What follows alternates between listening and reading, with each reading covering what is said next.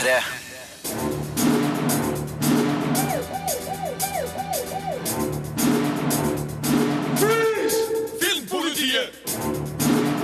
What's your? Birger Vestmo. What kind of stupid name is that? Kingsman The Secret Service er skamløs underholdende agentaction med Colin Firth. House of Cards sesong tre er fremdeles velspilt og underholdende, men har mista et av sine beste kort. Den norske dokumentarfilmen Drone er provoserende og tankevekkende om dronekrig, og serien Frikjent, som starter på TV2 på mandag, er et interessant karakterdrama. Filmpolitiet! Filmpolitiet anmelder film. We are an independent international intelligence agency operating at the highest level of discretion.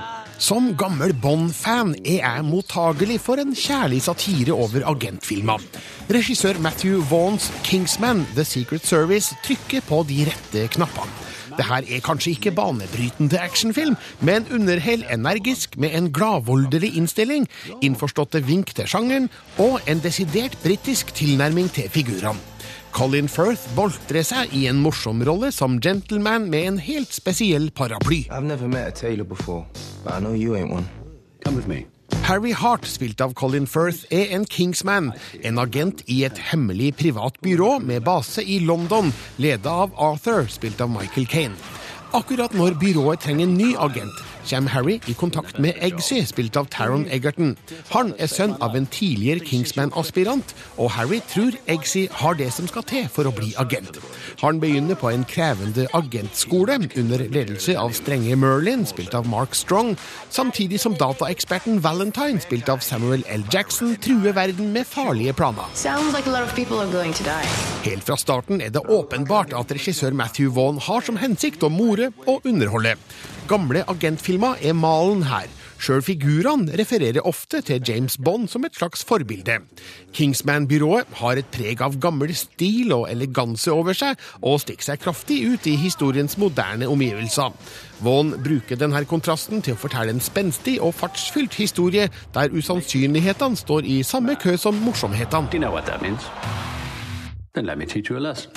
know Colin Firth viderefører den danna elegansen fra sine mest kjente roller, som Mr. Darcy i Stolthet og fordom og kong George den sjette i Kongens tale. Den største forskjellen er at han her òg er actionhelt med ekstreme ferdigheter og en paraply som sitt farligste våpen. Eggsy er Harry Harts rake motsetning, en gatesmart tøffing med en røff fremtoning. Taron Egerton spiller godt i rollen, men eh, må nok finne seg i å forsvinne litt mellom de mer kjente ansiktene. Samuel L. Jackson har bevega seg noen hakk unna Nick Fury fra Marvel-filmene, med caps og lesping, men tar kanskje litt for mye plass i historien, og bidrar dermed til Taron Egertons litt mer anonyme plassering. Moro for nordmenn er det å se Bjørn Floberg i en liten rolle som sleip svensk statsminister med tvilsom moral. No stomach for violence. I see one drop of blood, that is. Kingsman The Secret Service er basert på en tegneserie av Mark Miller og Dave Gibbons, med manus av Jane Goldman og Matthew Vaughn. Sistnevnte er altså òg regissør, og spekker filmen full av kjappe actionsekvenser med en eksplosiv skytescene som høydepunkt. Her utgytes det såpass mye vold at det nesten blir smakløst, men det visuelle uttrykket i Kingsman The Secret Service ligger såpass langt unna den virkelige verden at jeg likevel svelger det. Det her er skamløst underholdende. Son of a bitch! Terningkast fem. Filmpolitiet. Dette er P3. Ja da, du hører Filmpolitiet, og nå er hele redaksjonen her. Det vil si Rune. Hallo! Sigurd. Hei, hei! Marte. Hallais! Ja, og meg sjøl, da. Vi skal snakke om det viktigste som har skjedd den siste uka på nyhetsfronten innen film, spill og serier. Det vil si, i dag skal vi bare snakke om én eneste ting. Og det er jo også en ting som er så viktig at, eh, at hjertet mitt ramla ut av brystkassa uh, når jeg fikk vite om det. Og vi snakka for så vidt om det også forrige uke. Det handler om Neil Blomkamp, som nå skal lage en ny Alien-film. Eh, Men det som har skjedd den siste uka nå, eh, Sigurd, legg i vei. Det er den fantastiske nyheten som vi hadde håpa på, men ikke torsa og trodd på, at Sigourney Weaver Alien-stjerna, selveste Ripley, skal være med i denne nye Alien-filmen. Ja, men ikke bare det, Marte. Den nye filmen utsletter faktisk to av eh, de gamle Alien-filmene fra tidslinja, rett og slett. Ja, Både Alien 3 og Alien Resurrection skal bare ignoreres komplett. Og det her har vi fra et intervju Sigourney Weaver og Neil Blomkamp gjorde med Sky Movies i forbindelse med den nye filmen Chappie, som har norgespremiere neste fredag. La oss høre litt hva de hadde å si der. I would love to take Ripley out of sort of orbiting around in space and uh, give a proper finish to what was such an excellent story. So when someone like Neil Blomkamp suddenly said, Well, I'm interested in finishing the story, I thought my little ears perked up. I want this film to feel like like it is literally the genetic sibling of Aliens. So it's Alien, Aliens, this movie. Ja, det sa altså Neil Blomkamp, og før det Sigourney Weaver i et intervju med Sky Movies. Og hva syns vi om at uh, de nå tar opp, uh, skal vi si, hansken etter Alien og Aliens, og glemmer de to siste Alien-filmene? Det, det er jo det eneste rette, uh, syns jeg, for det er de to første filmene som utgjør den harde kjernen i Alien-opplevelsen. da. Jeg er bare nysgjerrig på konseptet alternative tidslinjer. Altså, Er det det vi står overfor her? Får vi liksom en sånn forklaringsmodell på det? Eller hvordan skal det gjøres? I så fall så er det jo greit å få inn noen Terminator-manusforfattere, tenker jeg, bare for å få den hele tidslinjeforskyvninga på Men plass. altså, jeg syns det virker som at de rett og slett bare sletter det fra historien. At de, det blir ikke noe sånn tidsreisegreier inni her. Jeg tror de bare driter i det som har vært laga, og går sin egen vei. Det er jo en kjensgjerning at Alien og Aliens er de to mest populære filmene i denne sagaen. Alien 3 og Alien Resurrection for så vidt også interessante filmer hver for seg, men eh, de har kanskje aldri virka som en naturlig forlengelse av Alien-sagaen. Så mm, er det her kanskje det, det helt riktige å gjøre? Og, og det er jo heller ikke første gang at dette gjøres i filmhistorien, så jeg syns ja, det er riktig å gjøre. Uh, Bryan Singer gjorde det med Superman Returns, hvor han bare hoppa over de to siste Supermann-filmene. Så, så hvorfor ikke? Dette får tommel opp, altså. Jeg er bare litt nervøs for at vi har liksom hatt trenden med rebooting. og selv om det ikke er første gangen, altså Hvis det her blir den nye trenden, altså hvis det her skal ta over for alle rebootene nå, at alle skal inn liksom sånn her eh, midt i serien og gjøre om Indiana Jones eh, 1 og 2 funker, vi går rett inn og lager treeren Ja, det, det kan bli Og og ikke tenk på hva de kan gjøre med Star Wars, eh, Phantom Menace osv. Luke, I'm not your father. altså, det er litt farlig å, litt farlig. å messe med fansen, da. Men så lenge Sigourney Weaver er med, kan vi egentlig klage? Det som er litt uh, vanskeligere å tenke på, er at vi må vente i hvert fall til 2017 før vi får se resultatet, så smør seg med tålmodighet. P3. Og vi skal snakke litt om ting vi har sett eh, den siste uka. Og Rune, du har sett den aller, aller siste episoden av serien Parks and Rec. Det å ta uh, farvel til Leslie Knope og alle de andre inkompetente medarbeiderne på, uh, på parkkontoret i den lille byen Pawnee, uh, det, det, har vært en, det har vært en emosjonell reise gjennom den siste, siste sesongen. Det de gjorde litt sånn annerledes med da siste eh, runde med Parks and Recreation, var å altså, slutte sesong seks i nåtiden, og så hoppa de noen år fram i tid. så hele sesong syv har foregått i 2017. Så man har fått et lite et blikk på hvordan livene har endra seg over de årene vi har vært borte. Og den siste eh, episoden, som da ble vist på amerikansk TV og på strømmetjenester den uka her, så Nå ble jeg nesten litt sånn emosjonell vet du.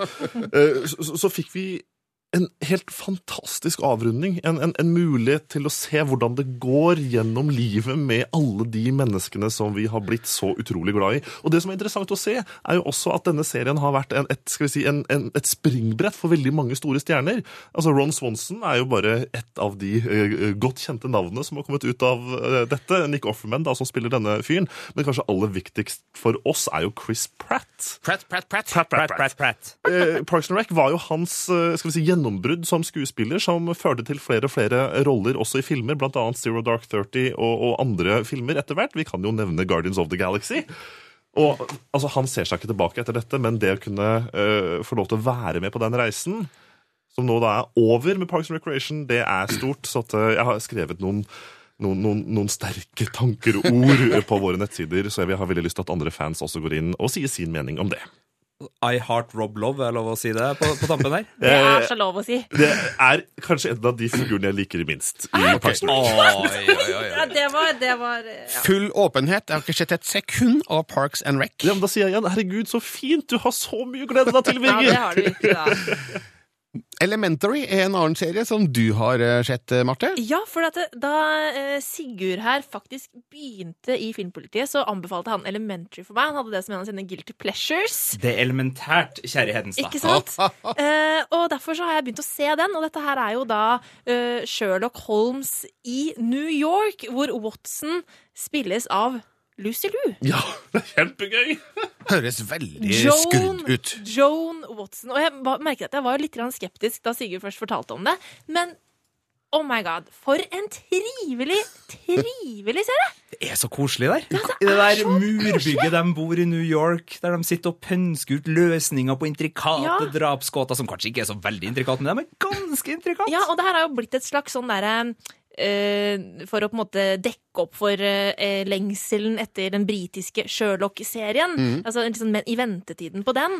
Eh, og, det, og det funker veldig godt som en eh, erstatning. Hvor ser du Elementary hen? Jeg ser det på Netflix. Der ligger eh, første sesong. Mm. Eh, og nå er jeg kommet til episode åtte. Eh, og jeg liker det veldig veldig godt. Jeg har hatt et lite sånn Netflix-maraton på gang. Du vet, den Neste seso- eh, nei, episode begynner av seg sjøl, osv.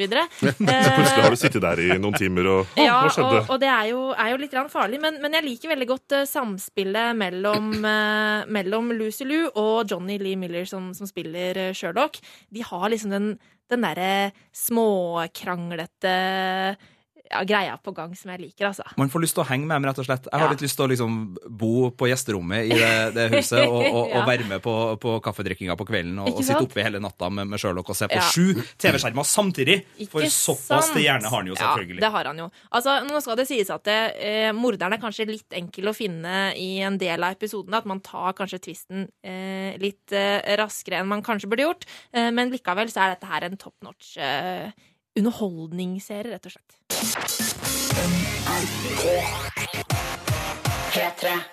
Vi må nesten snakke litt om Oscar, folkens. Hva syns vi egentlig om at Birdman er årets film? Kan vi leve med det?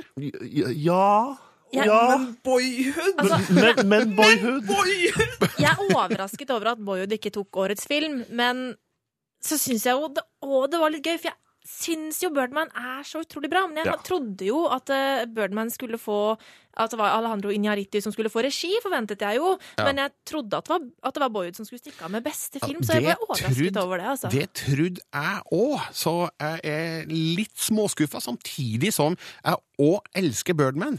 Samtidig så må jeg bare legge til at det var en veldig god trøstepris til Patricia Arquette, som også brukte sin tid på scenen eh, til å snakke likestilling. Det skal hun ha heder for, men også den rollen hun gjør i Boyhood, det var viktig å gi prisen til henne, sånn at det ikke var helt tomhendt for Boyhood den kvelden.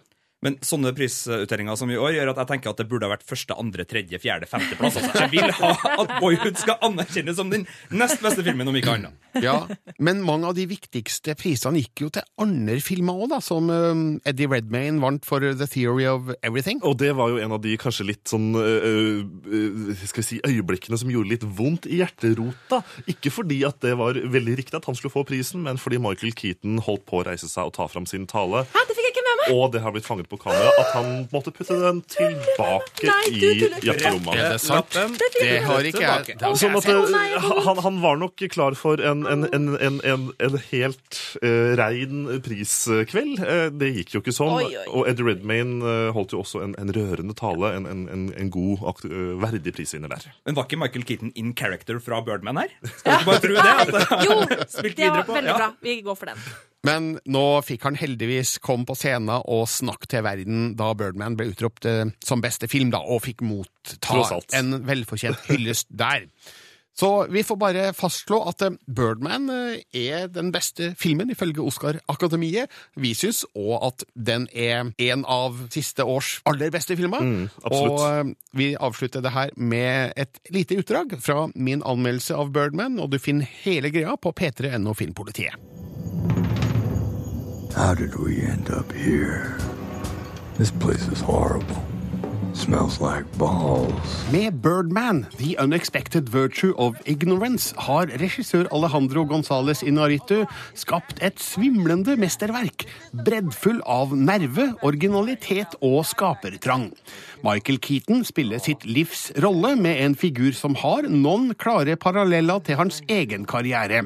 Han filmes av et kamera som fanger inn stemninger, følelser og nyanser med syngende virtuositet, av og til akkompagnert av jazztromma. Denne filmen er frijazz. Den puster og lever. Den er en av de her filmene som bare må eksistere. Birdman er en berusende, livsbejaende og eksepsjonell bragd. We had it all. You were a movie star, remember? Terningkast seks. I dag morges ble sesong tre av House of Cards sluppet på Netflix, og det kan ikke gå upåakta hen. Filmpolitiet anmelder TV-serie. You want to know what takes real courage? Holding it all together when the stakes are this high. We're murderers, Francis. We're survivors.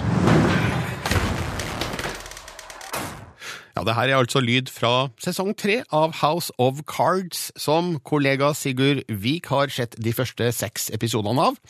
Du har allerede anmeldt eh, det på P3N og Filmpolitiet, og jeg ble litt sånn skeptisk da overskrifta var 'Har mista et av sine beste kort'. Ja, Det var jo for å være fiffig, det, da, med House of Cards og kort og sånn, så jeg tenkte det måtte til. Men Er, er det klikkhoreri vi snakker om? Ja, smått. Smått uh, prøve å, å være fiffig. Men nei, øh, den har mista ett og ikke, altså Det er jo 250 kort i en kortstokk, så, den har mista ett øh, element her som er ganske viktig, og det er at serien har vært veldig god, fordi den har, dramatikken har kommet fra at du har fått masse motstand i veien for, for politiker Frank Underwood, og så har han på brutalt vis bare fjerna all motstand. og klatra oppover karrierestigen med blodige hender og en samvittighet som burde få enhver av oss til å gå i skammekroken. Men nå er han jo president. Han er på toppen? Han er på toppen. Og da er på en måte den der inderlige råskapen som har skapt Frank Underwood og gjort at så mange har blitt betatt av den, den er litt borte. Samtidig så blir liksom Washington litt mindre når du skal liksom leve med presidenten, for han får jo ikke å spise ribba i bakgata og uh, går med hettegenser nede på, på T-banen uh, og, og gjør unevnelige ting mot øh, medmennesker. Så, så det har blitt et, et mer sterile omgivelser og, og litt tammer sånn sett. da. Så det kortet er dessverre borte fra Ja, altså, ligger det færre skal vi kalle det, muligheter i serien for hva Frank Underwood egentlig kan foreta seg? Ut fra det han har gjort tidligere, ja, men så åpner det jo seg et storpolitisk internasjonalt spill her, hvor annet Russlands president blir en, eh, en slags motstander, og man, man får litt sånn andre ting. Men jeg syns ikke serien er så god på de andre eh, storylinene. Det er liksom historier rundt Frank og hva som skjer med han som har vært bærebjelken, så den har svekka seg litt ved at den nå har blitt en mer sånn uh, bredere palett, da, og ikke så fokusert på Franks ugjerninger i, i starten, i hvert fall, av eh, sesong tre. Hva med ekteskapet? Det har blitt bedre. Så her snakker vi om ting Altså, ekteskapet er ikke så veldig godt, men uh, Robin Wright, som spiller da Claire Underwood, hun uh, skinner bedre i sesong tre enn hun har gjort tidligere. Hun tar en større rolle, hun har politiske ambisjoner, har ikke helt trua på at ektemannen kommer til å være evig i presidentstolen, og begynner å pønske ut sine egne renkespill for å komme seg opp og fram. Det liker jo ikke nødvendigvis en kar som Frank Underwood veldig godt, så, så spenninga er tilbake dem imellom, og jeg syns Robin Wright gjør en fantastisk rolle som Claire Underwood. Men altså, til tross for at, eh, som du sier, serien har mista ett av sine beste kort, er det fremdeles nok kort igjen i, kortstokken for å bare videreføre analogien? Det er det, fordi den har øh, god øh, spenning i alle episoder. Det er et eller annet som skjer, og den, det er ikke noe sånn at du sitter og kjeder deg der. I tillegg så er den fremdeles veldig underholdende, og på sitt beste så er det en god, veldig god dramaserie. Så, så House of Cards, for all del, se det, men den er ikke, øh, føles ikke like vital og spenstig som den gjorde i sine første sesonger, og jeg er litt spent på hvor lenge man kan drive denne serien videre nå som Frank er der han er. Sesong tre av House of Cards ble altså sluppet på Netflix i morges klokka ni, så de mest innbitte er nå i gang med episode skal vi se, tre, cirka. Eh, er det verdt å se de resterende? Det syns jeg, for selv om øh, det er svakheter, så er det her absolutt ikke en serie som er ferdig. Så øh, dere som har vært fans, dere kommer nok til å kose dere med alle 13 episodene denne gangen også, det vil jeg tro. Takk, Sigurd Vik. Hele anmeldelsen av de første seks episodene av House of Cards sesong tre ligger på p3.no Filmpolitiet med Terningkast fire. Filmpolitiet anmelder film. We're the ultimate voyeurs, ultimate peeping toms. I'm watching this person, and this person has no clue what's going on. No one's gonna to catch us,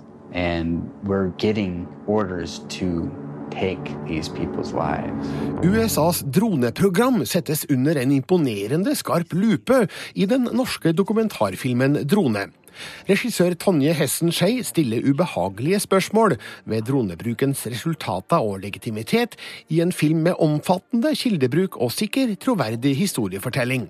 Man kan simpelthen ikke se denne filmen uten å få en vond smak i munnen. Det her er provoserende, tankevekkende og svært solid utført.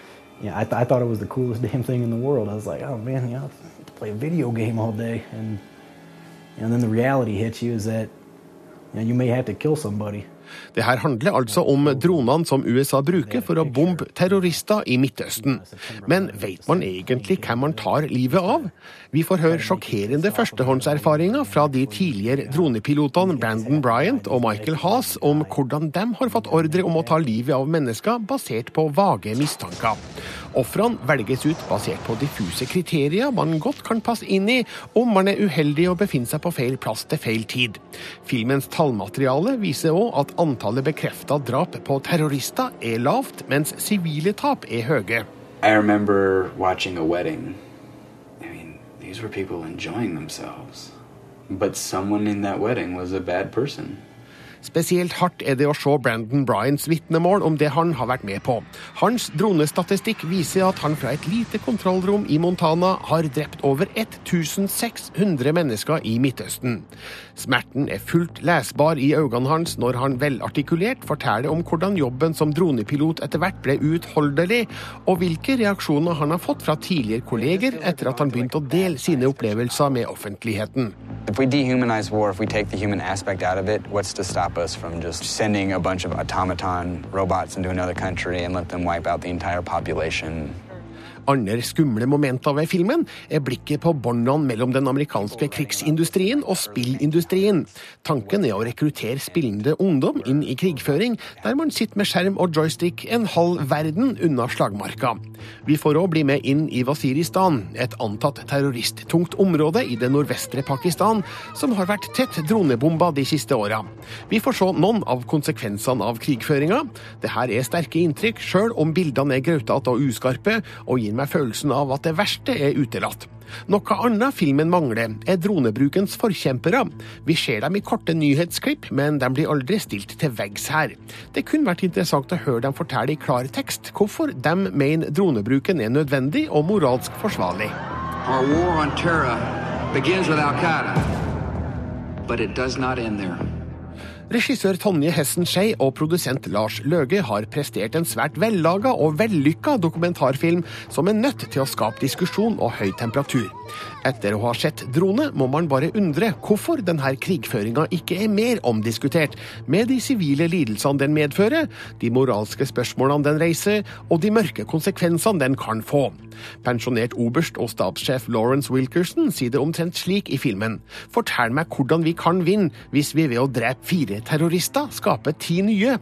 Drone er obligatorisk dokumentarfilmføde. It was just point and click.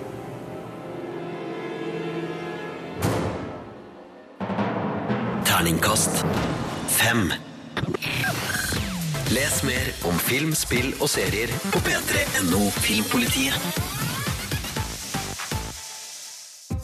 Filmpolitiet anmelder TV-serie. På mandag starter den nye serien Frikjent på TV 2. Marte Hedenstad har sett de første fem episodene, og kaller det her et interessant karakterdrama. Han døde henne. Han slog hennes huvud mot steinen. Han slog og slog til det sprakk. Det var ikke han. Tonje så ham et helt annet sted. Det alibiet var ju ett. TV 2s nye serie Frikjent er inspirert av Birgitte Tengs-saken fra 90-tallet.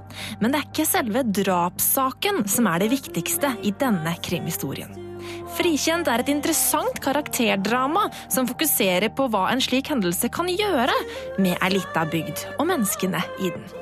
Serien er spilt inn i Årdal og Lærdal, og er som et postkort fra Norge, med naturbilder som vil imponere det internasjonale markedet. Og den holder et høyt produksjonsnivå, men klarer ikke å holde på spenningen 100% gjennom de fem første episodene. Nicolai Kleve Broch spiller Aksel Borgen, en suksessfull forretningsmann som har bodd i Asia de siste 20 åra. Som 18-åring ble Aksel dømt, men deretter frikjent for drapet på kjæresten Karine. Og når han vender tilbake til hjembygda Lifjord for å hjelpe den lokale hjørnesteinsbedriften Solar Tech fra konkursens rand, finner han fort ut at tiden ikke leger alle sår. For selv om Aksel ble frikjent, er han fortsatt dømt skyldig i de flestes øyne. Og Karines mor og administrerende direktør for Solar Tech, Eva Hansten, spilt av Lena Endre, takler ikke gjensynet med det hun tror er datterens drapsmann. Jeg vet at du tror at han er oskyldig, men noen måtte jo ha gjort det. Frikjent er mer som et familiedrama enn en krimserie. Det er tydelig at manusforfattere Anna Bakke Wiig og Siv Rajendram Eliassen er mer interessert i rollefigurenes utvikling enn selve drapet, og hvilke motiver de forskjellige figurene har for å handle slik de gjør. Det er i utgangspunktet ikke noe problem, for det er interessant å se hvordan Aksel forsøker å sjonglere dobbeltlivet med kone og barn, som ikke aner noe om fortiden hans på den ene siden, og en tilværelse der han har morder skrevet i panna på den andre siden. Spesielt er det spennende å følge utviklingen til Eva Hansten. Hvordan sorg og fortvilelse går over i sinne og desperasjon, og hvordan hun manipulerer sin egen familie for å ødelegge for Aksel, slik at han skal få den straffen han fortjener. My brother has always been a. Skuespillet er også for det meste godt, men problemet er at serien i løpet av sine fem første episoder ikke har klart å overraske meg en eneste gang. Selv om det er de mellommenneskelige relasjonene som er i fokus, er det en krimgåte som ligger i bunnen her, men denne utvikles for treigt, og jeg forventer alle vendinger denne delen av historien tar. I femte episode, altså halvveis i sesongen, kommer det et vendepunkt som jeg forutså allerede i første episode, og det setter meg i fare for å falle av. Handlingen må tilspisse seg i de kommende episodene for å ta serien et nivå videre, men gjør den det, kan Frikjent bli en av de bedre norske seriene i år. Lovar deg, det der inne over. Terningkast fire. Hovedrolleinnehaver Nicolai Kleve Broch og regissør Geir Henning Hopland, velkommen til oss. Takk for det. Takk for det. Tre år in the making. Godt å få det her ut nå, eller? Ja, eh, det er jo um, Manusforfatterne har jo sittet på dette veldig lenge, og jeg har, selv har jobbet med det i ett og et halvt år. Så det er jo vært en lang, lang eh, prosess, helt klart. Så det er jo alltid deilig å få barnet ut. Nikolai, har du nerver før en slik premiere? Eh, nei, jeg har ikke nerver. Men jeg, jeg, jeg er spent. Det er jeg. Også litt utålmodig. Eh, jeg gleder meg veldig til å få vist det. Eh, men jeg er ikke nervøs på den måten. Frikjent er skrevet av Siv Rajendram Eliassen og Anna Bakkevig, og, og handler da om Aksel, som du spiller, Nikolai. Ja. Eh, han kommer tilbake til hjembygda på Vestlandet 20 år etter at han ble frikjent for drapet på ungdomskjæresten. Eh, hvordan kom du inn i denne eh, rollen, Nikolai? Eh, jeg eh, jobbet eh, tett med Geir Henning for å finne eh, karakteren, og han, han, er ganske sammensatt. Han er en fryktelig vellykka forretningsmann, eh, samtidig som han bærer på dette denne skammen rundt å ha sviktet sine nærmeste og svikta eh, samfunnet eller lokalsamfunnet som han kommer fra. Eh, samtidig som han har en eh, familie som ikke er helt eh, ja, som er litt skakk, da, som han ikke er spesielt stolt av. Eh, og For oss så var det viktig å finne de nyansene, og finne hvem han var til enhver tid. Når han var den vellykkede forretningsmannen, og når han var den litt usikre sønnen, og når han var eh, den mistenkte for drap. Og, og det var en eh, veldig sånn komplisert eh, lek. Og Geir Henning og jeg vi fant noen enkle stikkord som bare vi egentlig skjønte hva betydde. Som vi sa til hverandre, og da visste jeg at eh, ok, nå er han her i prosessen. Og, fordi når man gjør en sånn TV-serie, så er det, det er jo 100 dagers opptak. og det gjøres jo ikke kronologisk, så det var litt viktig å holde tunga rett i munnen og huske hvor karakteren var i prosessen til enhver tid. Mhm. Geir Henning, du har regissert eh, halvparten av eh, serien. Mens Rune Denstad Langlo har regissert den andre. Jeg har også sett at du, du står oppført som konseptuell regissør. Ja, Hva, betyr, hva betyr det? Jeg gjør visst det. Eh, ja, hva betyr det? Det er jo eh, den som starter, den som lager eh, første episode eller flere, eh, og setter serien, da, kan man si. Den som velger uttrykket og har det kunstneriske ansvaret for ja, fargetoner, scenografi, eh, med på å velge skuespillerne. Ja, så skal jo Rune videreføre det, da, eller den, de regissøren eller den regissøren som kommer etter, da, skal jo liksom uh, få en pakke da, som den Mm. skal eh, behandle fint videre, da, for at det skal bli en helhetlig serie. Men hvordan har dere samarbeida? Nei, vi, det er jo alltid sånn. Jeg har jo òg gjort uh, Lillehammer to sesonger med Lillehammer, og da har jo jeg vært den regissøren som har uh, overtatt. Og det er jo alltid for dårlig tid på sånne prosjekter til at man får samarbeidet uh, nok. Men det er jo klart at jeg har jo eh, til Rune har jeg bare sagt alle mine tanker, og jeg har jo skrevet et regikonsept som han har fått, og, og han var mye på settet når jeg spilte inn, og gikk og snek, som var litt sånn sårbart for meg, faktisk. Han gikk og hørte på alle mine eh, mumling og stikkord jeg ga til Nikolai, så, så han var jo veldig mye til stede eh, med oss da, og fikk liksom se hvordan eh, ja, vår tankegang var da. Nikolai, du har altså vært nødt til å forholde deg til to forskjellige regissører på Frikjent. Altså, har du, har du merka store forskjeller i arbeidsmetoder og tilnærming til stoffet og sånn? Ja, egentlig. Jeg, eh, for meg var det første gang. Eh, Jeg var veldig spent på det. Eh, Og en regissør setter jo i veldig stor grad atmosfæren på et sett, og er premissleverandør for alle, egentlig. Eh, og Rune og Geir Henning er to veldig forskjellige menn, og har veldig forskjellig energi. Så det var, eh, det var veldig spennende å være med på den først, eh, og bli kjent med Geir Henning og bli trygg på den måten å jobbe på. Og så plutselig fra en dag til en annen måtte forholde seg til en helt annen type regi, en helt annen måte å snakke på, og en helt annen energi. Men eh, de var jo samkjørte, og, og Rune hadde jo satt seg inn i det universet som vi allerede hadde skapt. Så det var ikke noe sånn at det plutselig var noe helt nytt. Men eh, det var andre stikkord og andre måter å tenke på og andre måter å løse ting på. Eh, selv om resultatet til slutt skal ligne på det samme. Jeg syns det var fryktelig interessant å oppleve, og litt skummelt. Geir Henning, sjøl om eh, du er regissør og konseptuell regissør, eh, hvem er sjefene for serien? Er det, er det du, eller er det de som har skrevet den?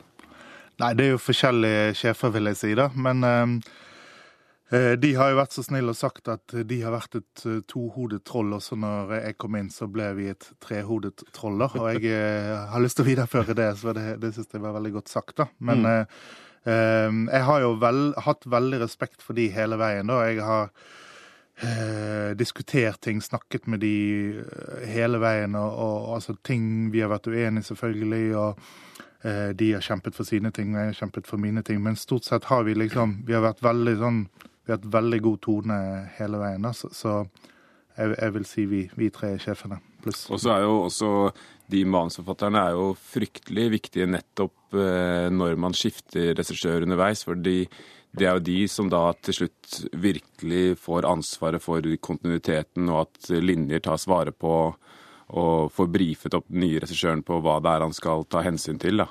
Så de er jo sånn sett eh, fryktelig viktige for en helheten til en TV-serie.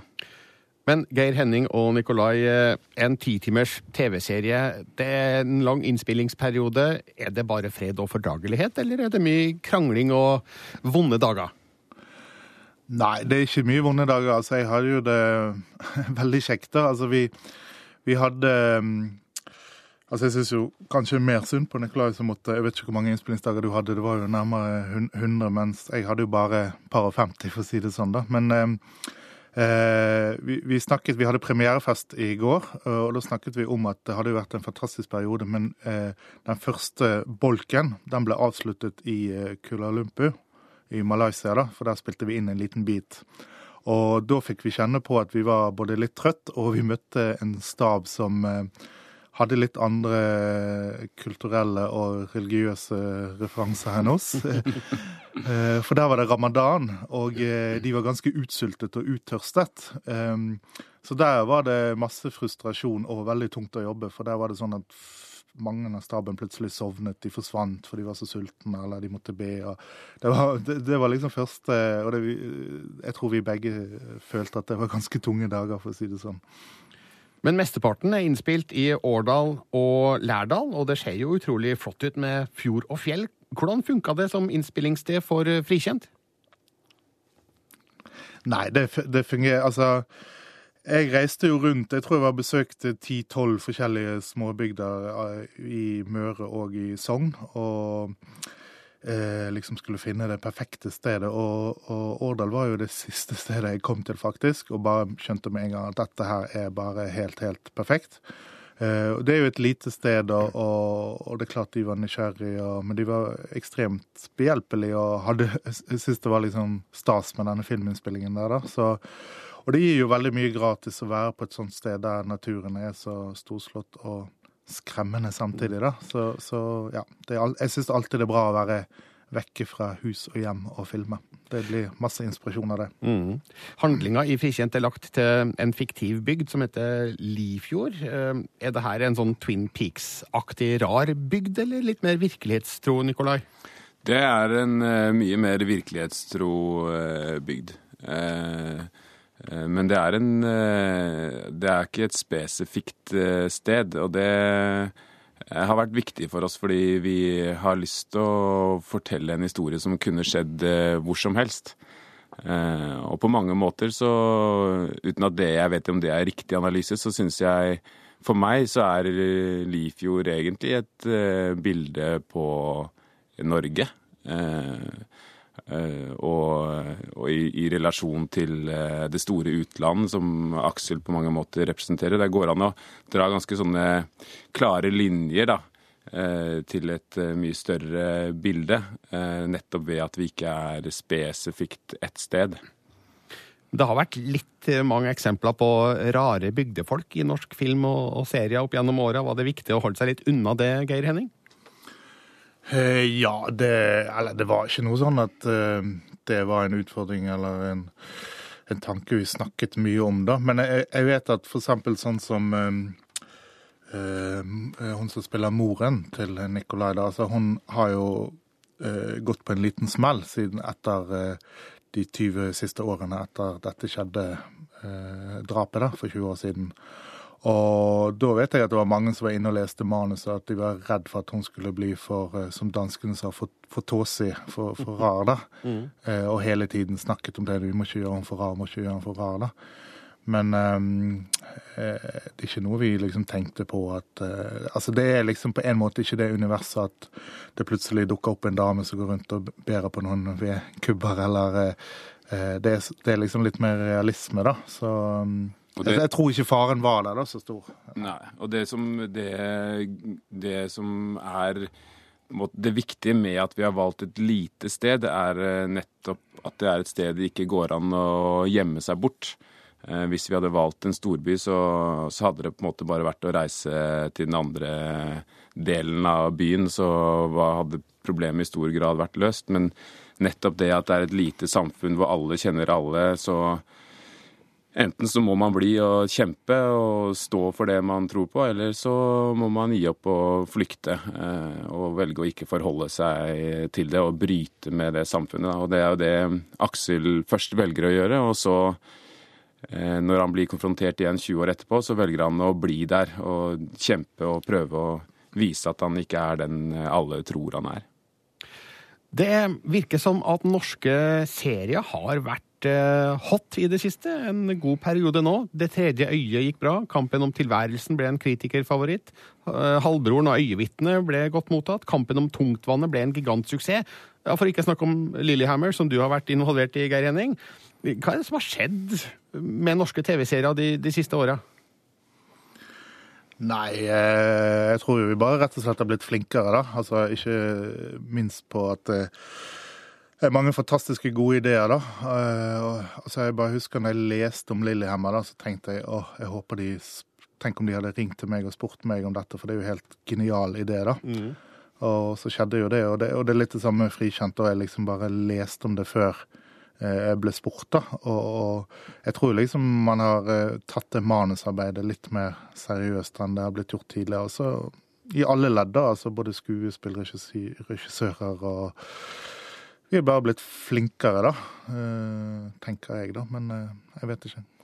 Ja, Det handler om å få lov til å øve, få lov å prøve mange ganger. Eh, Så til slutt så blir man bedre. og Sånn er det med alle ting. Jeg tenker at Det er viktig å forstå at grunnen til at dette her skjer med både norsk film og norske TV-serier, det er nettopp at vi har blitt satset på fra, fra regjering. Det har blitt bevilga penger, og man har fått lov å prøve og feile. Og så, etter mange år, eh, så eh, blir man flinke, og så lager man noe som fungerer for eh, hele verden. Det er veldig, jeg tenker det er fryktelig viktig å huske på at dette her er fordi det har blitt satset på, og fordi folk har fått lov å prøve.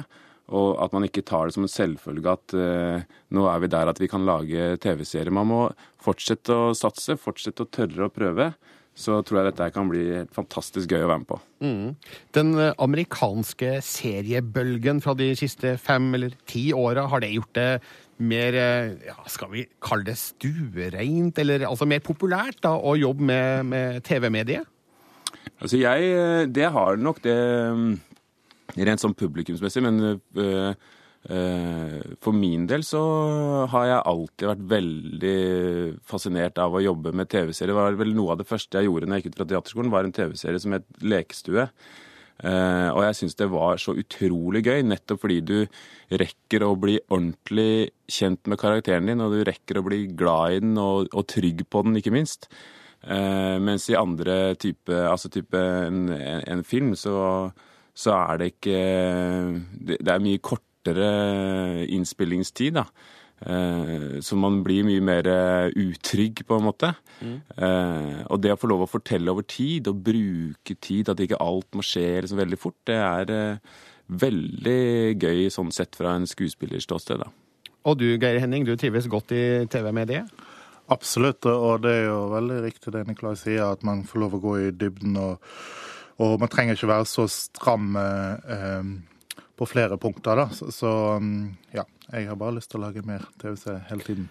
Eh, Frikjent har eh, fått positive signaler fra utlandet, som vi i Norge jo selvfølgelig alltid er veldig opptatt av, uansett hva det dreier seg om. Eh, The Hollywood Reporter skrev eh, positivt om serien etter å ha sett de to første episodene på en TV-messe i Cannes. Hva betyr det, Geir Henning? Nei, det betyr jo at serien selvfølgelig har fått en buss nå i forkant. og eh, ja, og, og det betyr jo mye igjen at man får oppmerksomhet rundt serien, som hjelper å få den ut til eh, publikum. da, så, så vi er jo veldig takknemlige for det, da, absolutt. Så, så um, Og vi er jo alltid Alle likevel å få et lite klapp på skulderen iblant. Og, og serien er solgt til flere land? Det er han, absolutt. Til, til mange land. Jeg vet ikke helt hvilke land, men, eh, men den er i hvert fall Den ble vel forhåndssolgt før vi gikk opptak til noen land, og så har det vel kommet flere i etterkant, da. Ja. Eh, Frikjent starter mandag på TV 2 og skal, og skal gå ti mandager fremover. Eh, har du begynt å liksom, tippe seertall, Nikolai? Nei, jeg har ikke det. Jeg, jeg har ikke det. Men du er, du er opptatt av det? Ja, altså, jeg er veldig opptatt av det, egentlig. Jeg, synes, jeg håper jo at så mange som mulig gir serien en sjanse. Eh, Ja. Det gjør jeg. Eh, Men akkurat eh, hvor mange jeg, har, ikke- jeg er ikke noe god på det. Jeg vet ikke hva som er vanlig, for å være helt ærlig. Nei, hva vil du være fornøyd med, Geir Henning? Nei, altså det er jo um, Det er på TV 2, da, så de Jeg vil jo si en halv million, så tror jeg jeg er ganske fornøyd. Ja, vi får se. Det er jo da kort tid igjen, så vi har svaret ute i neste uke. Eh, Jeg så at manusforfatterne sa til Rushprint at de allerede har begynt å tenke på sesong to. Eh, Har dere begynt å tenke på sesong to? Nei, vi har uh, snakka litt med manusforfatteren om det, men eh, akkurat nå så må de få lov å sitte i fred og kaste opp eh, baller i lufta og se hva som fins. jeg hadde en prat med dem her eh, for i går, og da hørtes det fryktelig spennende ut, det de var inne på, men eh, jeg tror nok det er lurt å la dem holde på i fred en stund til. Ja, Men bare uten, uten å spoile, selvfølgelig. Avsluttes det med en ordentlig slutt, eller er det en cliffhanger?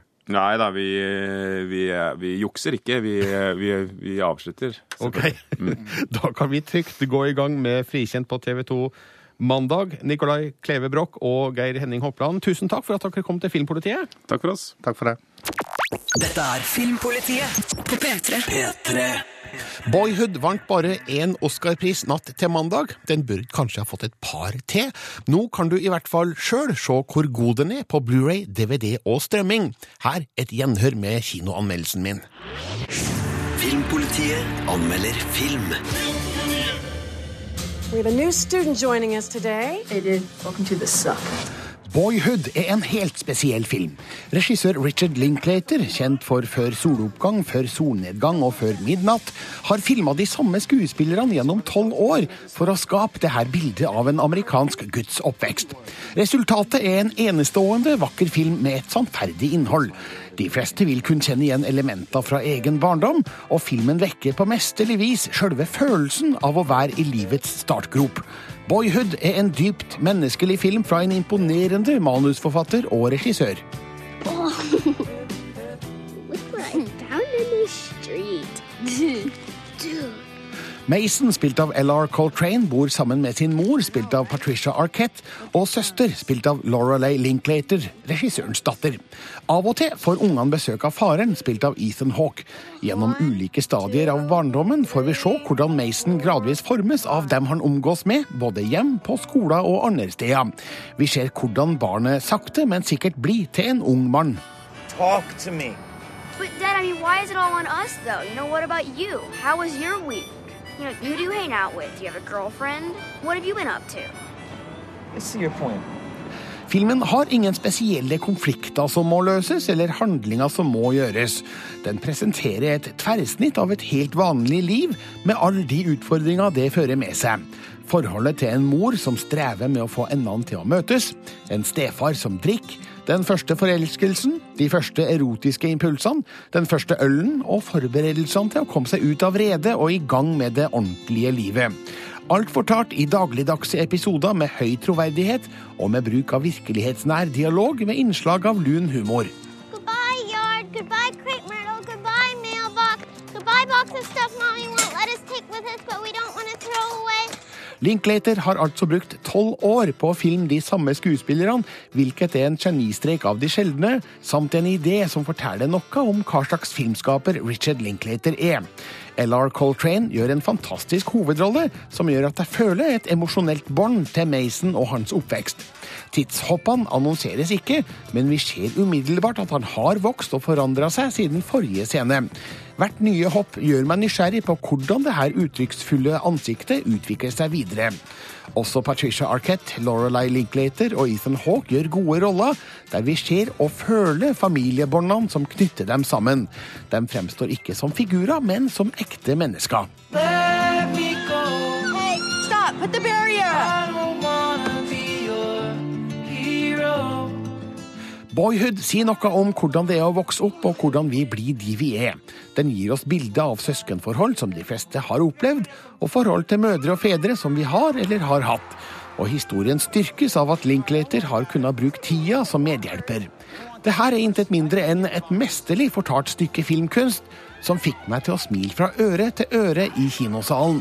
Boyhood er modig, bevegende, inspirerende og gledende. Den varer i to timer og 45 minutter, hvilket er akkurat passe. Filmen føles aldri lang. For meg kunne den vart mye, mye lenger. Oh, hey.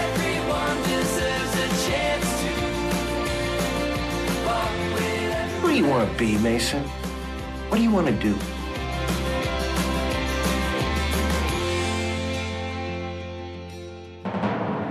Terningkast seks. Nå kan du altså se Boyhood på Blu-ray, DVD eller strømmetjenester. Absolutt verdt en titt eller et gjensyn til og med. Da er Filmpolitiet på vei mot slutten. Jeg henleder oppmerksomheten mot vår nettside p3.no Filmpolitiet, der du finner alle de siste anmeldelsene og andre nyheter fra film-, spill- og serieverdenen. Filmpolitiet Med Birger Vestmo. NRK NRK. P3 Hør flere podkaster på nrk.no podkast. P3